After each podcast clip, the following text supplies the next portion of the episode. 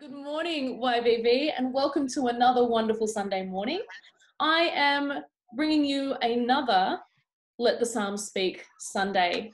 Um, and by me bringing it, I mean I'm hosting with my awesome friends. So I just want to introduce you to these amazing people who I am somewhat biased about. They are all on our youth team and sowing into young people regularly. Um, so I am aware that I'm biased, but they are also very awesome. So I just want you to get to know them a little bit as well. Beck, tell us about where you've been spending lockdown. Yeah. So I'm actually really lucky to be living with my best friend. so we study together, we hang out and play games. So it's real been a, a blessing. awesome. Um, and just to help people get to know you guys a little bit better, what is your favorite meal or baked good to cook at home?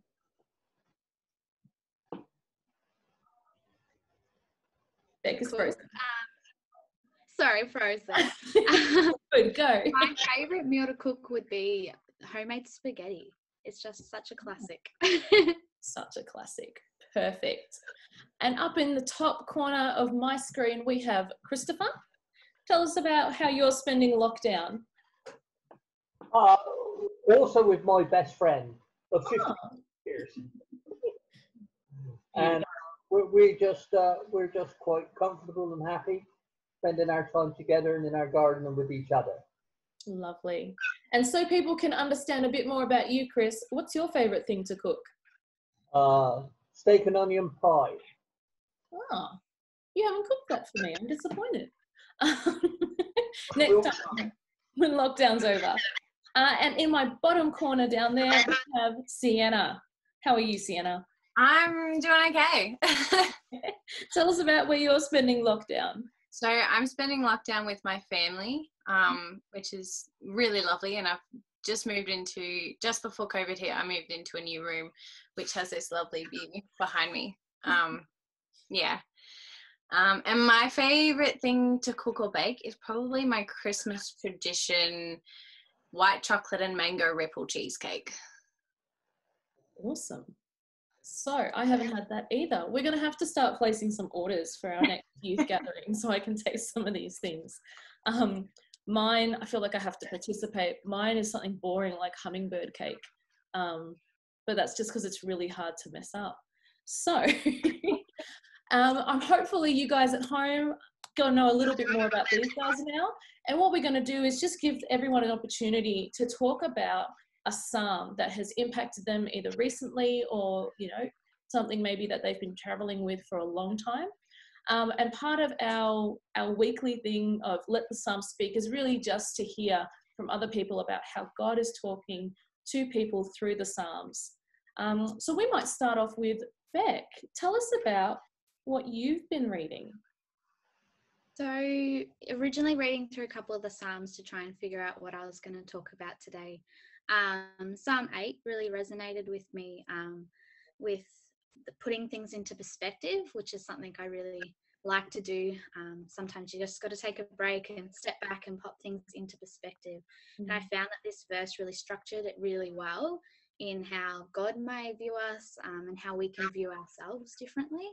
Mm-hmm. Um, I think that sometimes it's easy to get caught in the bigger picture. So, looking at God's creation as the moon and the stars, as Psalms 8, verse 3 says.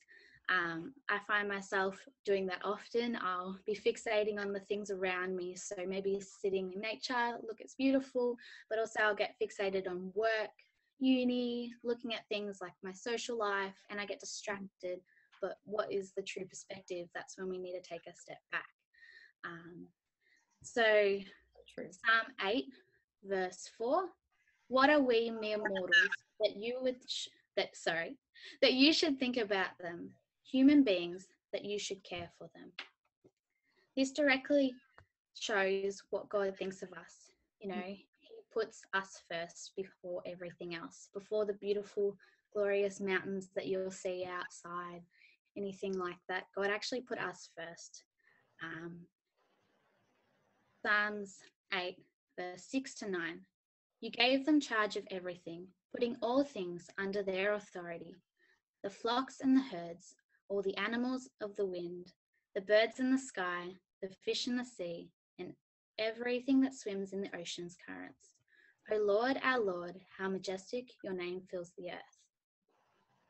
I think that's really awesome that God sees us that way. He does put us 1st Mhm. Um, and I think it's really important that I could conclude this in many different ways, but what I would like to look at it in the perspective of is, you know, we can take responsibility for our land and adjusting our economic approaches to things, maybe, or you can take on Jesus's call to being disciples of the word. Um, or really focusing in on relationship with one another, which I think is the big thing at the moment um, sending a message to a friend, just giving a call, checking in, things like that are really important. Um, another way I like to put things into perspective is through an analogy. So if you think of an artwork, there are many different sections, and you can look up and look at an artwork up close.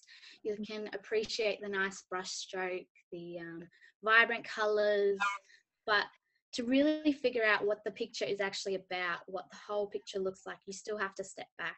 And I think that's really what this verse can help us do.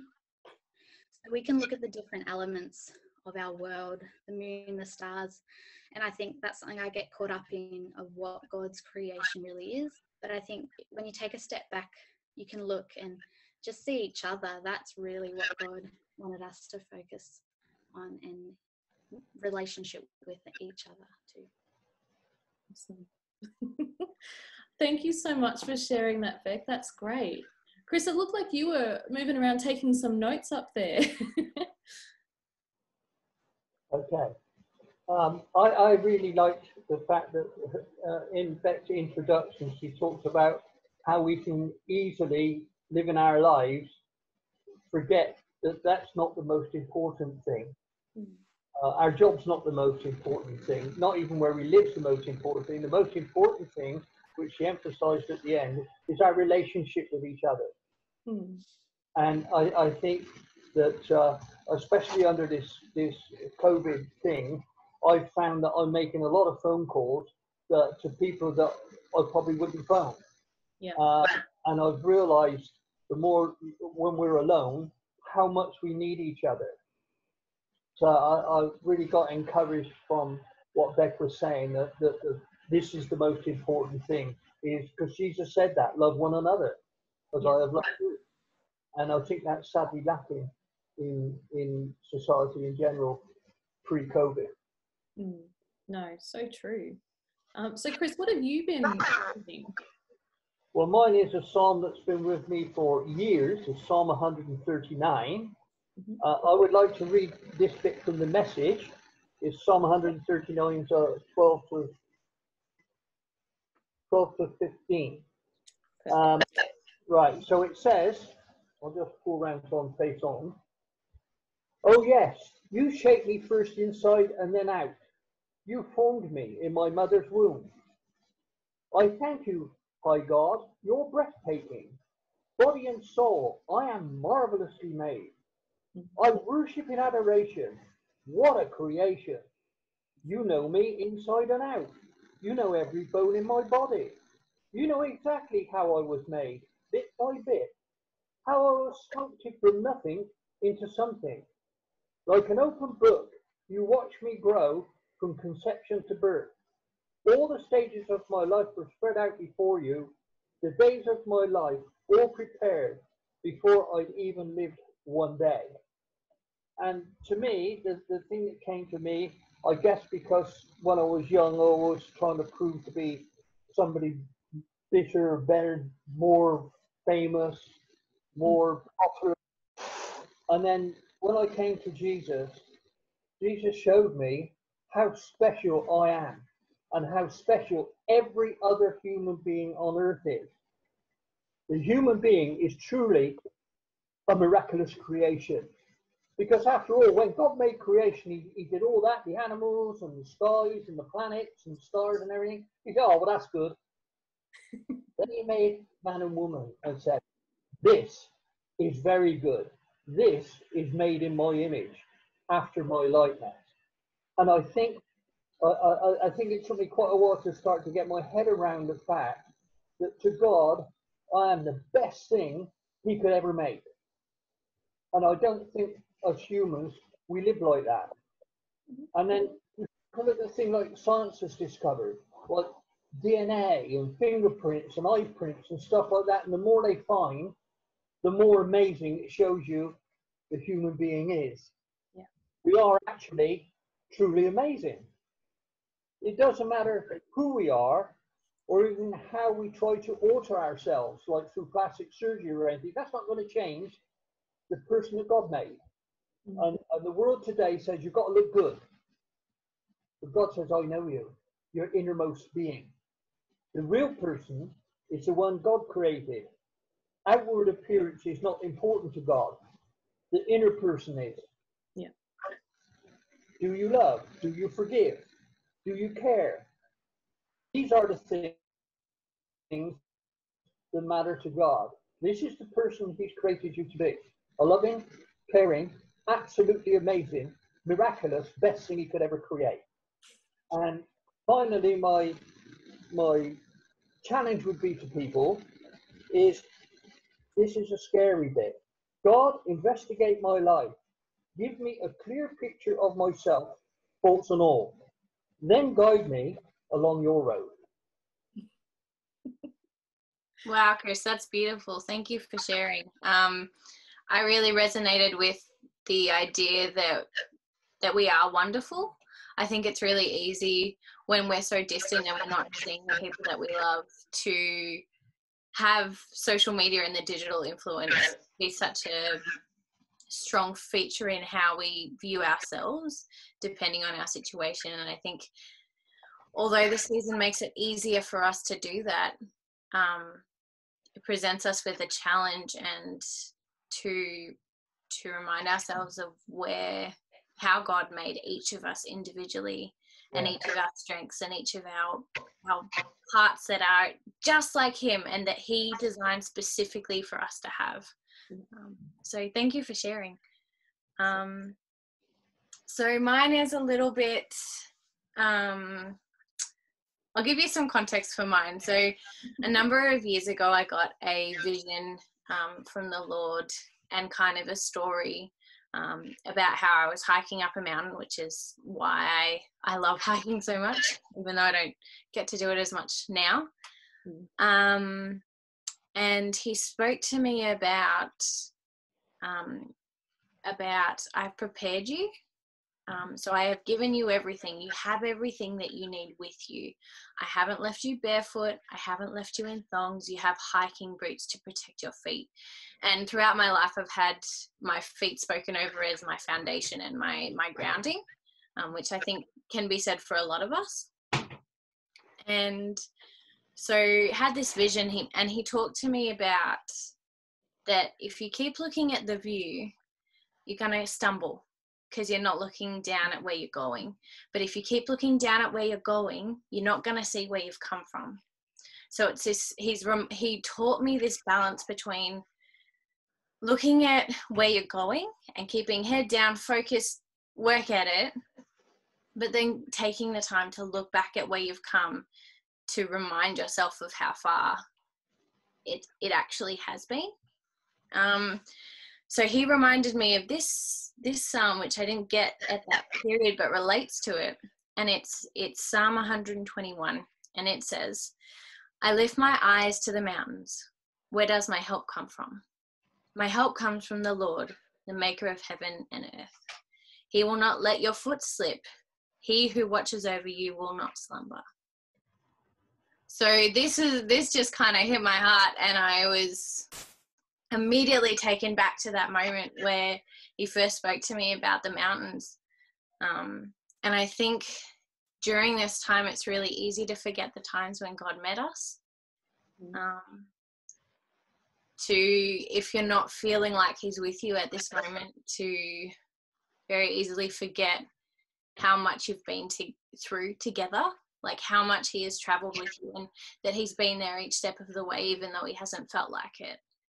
Um, so I think what I would take away from this is to write down document the times where he met you. Um, to remind yourself of that, although you can't see him and you can't necessarily feel him at the moment, he's with you. He planned, like, he knew that this would happen and he has prepared you for this. He has given you everything that you need and he is reminding you of a season where he met you before. So good. Really beautiful, Sienna. I loved um, how you drew on your own personal connections with God and brought it, and it directly related with that psalm.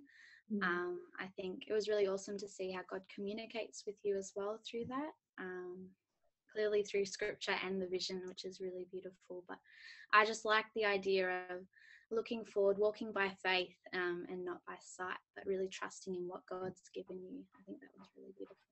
Yeah. So, Thanks, and- sorry, cut you off. um, one of my favorite things about these little psalm things is I don't know if people realize at home, no one knows what um, psalm the other person's bringing. At least when I'm hosting, I don't tell anyone because I often don't know. We we let people turn up and just bring what God's put on their heart. And every time we do this, there's like a theme. And I don't know if you guys notice, but throughout all of your things, there's just this theme of perspective. Um, and Psalm 121 is actually it's in my top three. Uh, and the reason I always like that one is because the way it starts, you know, I lift my eyes up to the hills. Where does my help come from? When I first heard this, I thought it was talking about oh, looking up to beautiful things, but it was actually the places where um, pagan gods would have their temples. They would build um, them as high to the heavens as they could. So when they're looking at those particular things, they're getting a perspective not of beauty and the beautiful things that you've talked about, Beck. It was um, it was a contradiction to what they knew looking up high. And so hearing you guys all share about having a correct perspective of of creation and our role in it, having a correct perspective of who God created us to be, and perspective of how He meets us and where He is in our journey. Um, it's just so interesting to me the way these things weave together and stay um, as as interlinked as they are. Sorry, my brother's interrupting. They know what we're doing. What are they thinking? Anywho, so you guys have have shared a little bit about how we can apply this in our own lives um, and a takeaway. So what we'll be doing now is putting up their takeaway, their message momentum, which we've been having at the end of each week. So you guys can take some time and reflect on what our awesome friends have shared and get a little bit deeper with God around what He's challenging you in this week in a positive way. It's not a fight, it's an invitation. um, and hopefully challenging a few of your perspectives, either on yourself or on Him and His role. So thank you guys. Wasn't too painful, was it? No, that was good. That was okay. Great, thanks, Joe. No, all good. All right. And we'll see you guys next Sunday. Oh, Bye. this- Bye.